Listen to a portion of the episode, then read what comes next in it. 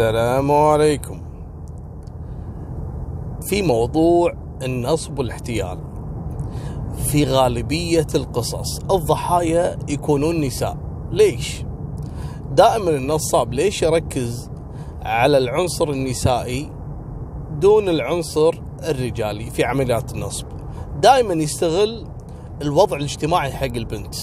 يعني البنت في بعضهم اللي تخاف تبلغ زوجها اللي تخاف تبلغ إخوانها اللي تخاف على سمعتها اللي ت... فعشان كذي يبتزها في عملية النصب. أو إنها شنو؟ ممكن تكون آه، ما هي آه، بنت رعت مشاكل ولا تدل المخافر والمحاكم. فأسهل طريقة لما تنصب على واحد تنصب على بنت. لأنه ليش يخاف مرات من الرجال؟ يقول هذا لا يجي يطقني هذا لا يجي يركض وراي. الرجال تعرفون ما عنده شغل يقعد يفتر ورا النصاب يروح لبيتهم يدوره وكذا. المرأة ما تقدر تسوي كذي علشان تاخذ حقها مالكم بالطويلة ليش يا أبو طلال قلت هالسالفة؟ والله كثير من القصص اللي قاعد توصلني من الضحايا شيء صراحة يحزن ويكسر الخاطر. ترى اللي قاعد تسويه هذا من إيدك. خلاص أنت تتحمل اللي يجيك. إذا أنت ما طحت بهالنصب احذر. وإذا طحت توب. على الأقل يعني لا تكرر هالمصيبة اللي سويتها.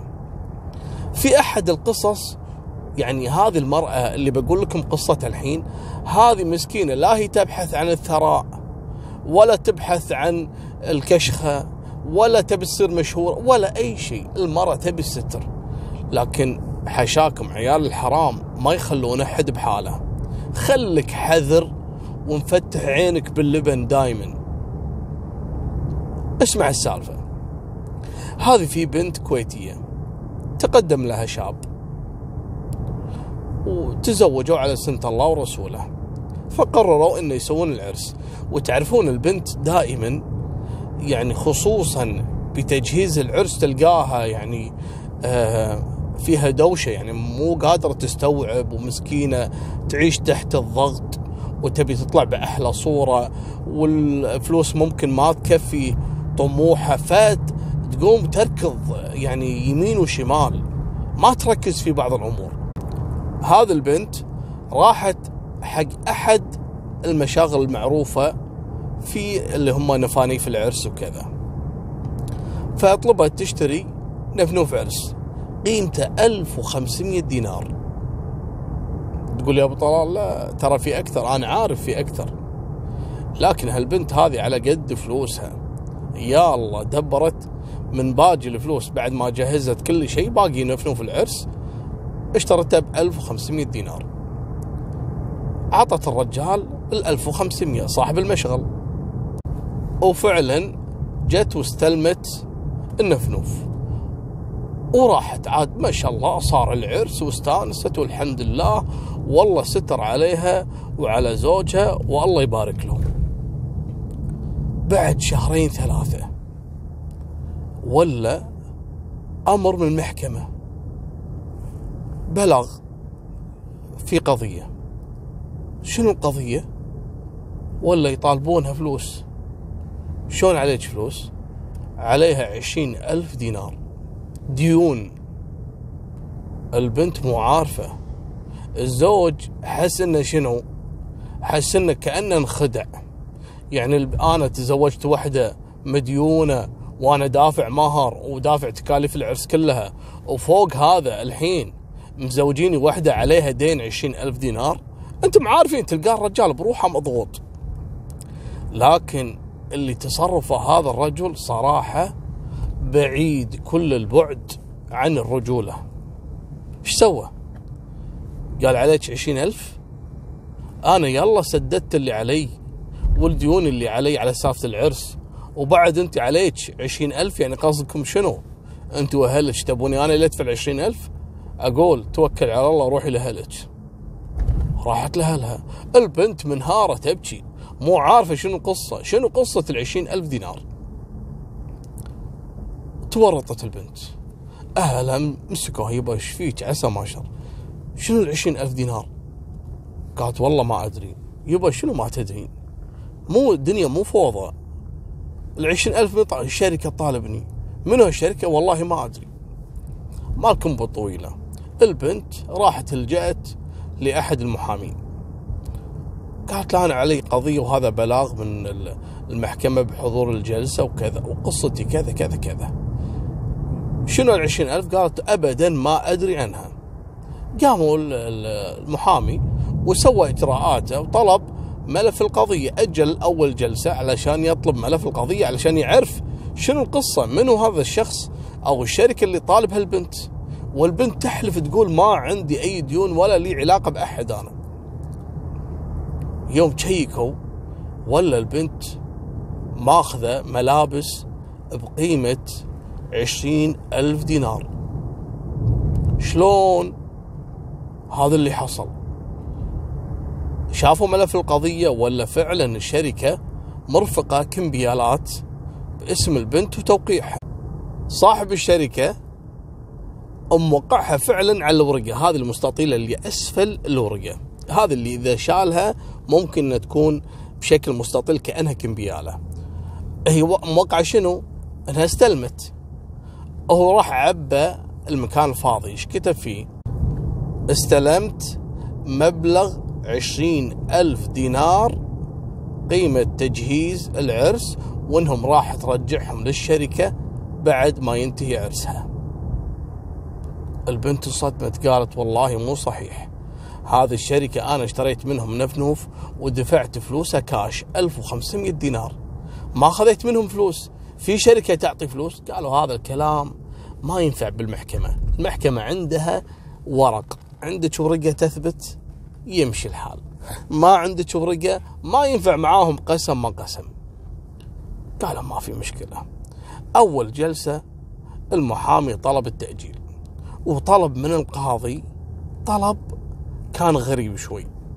قال يا حضرة القاضي إحنا ما عندنا أي مشكلة في موضوع الادعاء اللي يتكلم فيه الرجال. لكن إحنا نبي الشخص هذا يقسم قسم متمم يسمونه قسم الغموس اللي يغمس صاحبه في النار إذا حلف كذب. كان نبي يحلف أن البنت أخذت منهم عشرين ألف دينار علشان تجهز نفسها للعرس مثل ما هو يدعي. قالوا ما في مشكلة. انتظروا الجلسة الثانية. لما حضر هذا المدعي. المدعي لما حضر كان مجهز نفسه إنه شنو؟ يبي يحلف ويأخذ العشرين ألف ويمشي. ما عنده مشكلة إذا تبي تحلفه. مو يقول لك قالوا للحرامي احلف قال جاك الفرج. في بعضهم فعلا. أصلا في ناس شهود زور تلقاهم عند باب المحكمة تعطيهم 20 دينار يدخل داخل يشهد وياك. ما عنده مشكلة حتى يشهد لك. هذا عارف نفسه أن مصيره جهنم أعوذ بالله الله يكفينا شرهم. فلا تستبعد لما تحلف واحد ويحلف عادي. شو المشكلة بالنسبة له؟ تلقى مسوي بلاوي بحياته يقول جت على الحلف. مالكم بالطويلة جاي هذا صاحب الشركة الحرامي وحضر الجلسة. والبنت جاية مع المحامي تبكي ومنهارة وحاسة إن الموضوع يعني ميؤوس منه. لكن المحامي هذا الله يسلم لي هالخشم بصراحة إيش سوى؟ شوف الصدمة. طبعا مو صدمة بالقصة الصدمة اللي عطاها المحامي حق صاحب الشركة. الرجال جاي بيحلف. أول ما بدت الجلسة قام المحامي وطلب من القاضي طلب غريب صراحة. شنو الطلب يا أبو طلال؟ إيش في المحامي كل شوي يطلب. إيه اسمع إيش طلب. قال يا حضرة القاضي إحنا نبي نسحب طلب اللي هو الحلف اللي إحنا طلبناه من صاحب الشركة. ما نبي يحلف. قال عشان آه صاحب الشركة موقعها فعلا على الورقة. هذه المستطيلة اللي أسفل الورقة. هذه اللي إذا شالها ممكن تكون بشكل مستطيل كأنها كمبيالة. هي موقعة شنو؟ أنها استلمت. هو راح عبى المكان الفاضي. إيش كتب فيه؟ استلمت مبلغ عشرين ألف دينار ك استلمت مبلغ عشرين ألف دينار قيمة تجهيز العرس وإنهم راح ترجعهم للشركة بعد ما ينتهي عرسها. البنت انصدمت قالت والله مو صحيح. هذه الشركة أنا اشتريت منهم نفنوف ودفعت فلوسها كاش 1500 دينار. ما خذيت منهم فلوس. في شركة تعطي فلوس. قالوا هذا الكلام ما ينفع بالمحكمة. المحكمة عندها ورق. عندك ورقة تثبت؟ يمشي الحال. ما عندك ورقة؟ ما ينفع معاهم قسم ما قسم. قالوا ما في مشكلة. أول جلسة المحامي طلب التأجيل. وطلب من القاضي طلب كان غريب شوي. قال يا حضرة القاضي إحنا ما عندنا أي مشكلة في موضوع الادعاء اللي يتكلم فيه الرجال. لكن إحنا نبي الشخص هذا يقسم قسم متمم يسمونه قسم الغموس اللي يغمس صاحبه في النار إذا حلف كذب. كان نبي يحلف أن البنت أخذت منهم عشرين ألف دينار ثمن عشان تجهز فيه العرس والملابس والكلام كهذا علشان تجهز نفسها للعرس مثل ما هو يدعي. قالوا ما في مشكلة انتظروا الجلسة الثانية. لما حضر هذا المدعي. المدعي لما حضر كان مجهز نفسه إنه شنو؟ يبي يحلف ويأخذ العشرين ألف ويمشي. ما عنده مشكلة إذا تبي تحلفه. مو يقول لك قالوا للحرامي احلف قال جاك الفرج. في بعضهم فعلا أصلا في ناس شهود زور تلقاهم عند باب المحكمة تعطيهم 20 دينار يدخل داخل يشهد وياك. ما عنده مشكلة حتى يشهد لك. هذا عارف نفسه انه مصيره جهنم أعوذ بالله الله يكفينا شرهم. فلا تستبعد لما تحلف واحد ويحلف عادي. شو المشكلة بالنسبة له؟ تلقى مسوي بلاوي بحياته يقول جت على الحلف. مالكم بالطويلة جاي هذا صاحب الشركة الحرامي وحضر الجلسة. والبنت جاية مع المحامي تبكي ومنهارة وحاسة أن الموضوع يعني ميؤوس منه. لكن المحامي هذا الله يسلم لي هالخشم بصراحة إيش سوى؟ شوف الصدمة. طبعا مو صدمة بالقصة الصدمة اللي عطاها المحامي حق صاحب الشركة. الرجال جاي بيحلف. على طول أول أول ما بدت الجلسة قام المحامي وطلب طلب ثاني.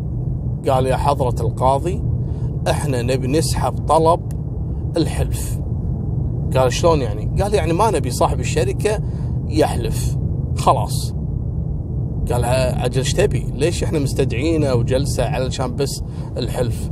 قال لا يا حضرة القاضي إحنا نبي نطلب منه طلب بسيط جدا. قال تفضل. له علاقة في القضية؟ قال لي نعم له علاقة في القضية. قال حق صاحب الشركة. إحنا نبي نسألك سؤال. وإذا أنت تقول الحقيقة فأنت راح تقولها بسرعة. ما راح تفكر صح ولا لا؟ قال إي نعم صح. قال بسألك سؤال واحد بس.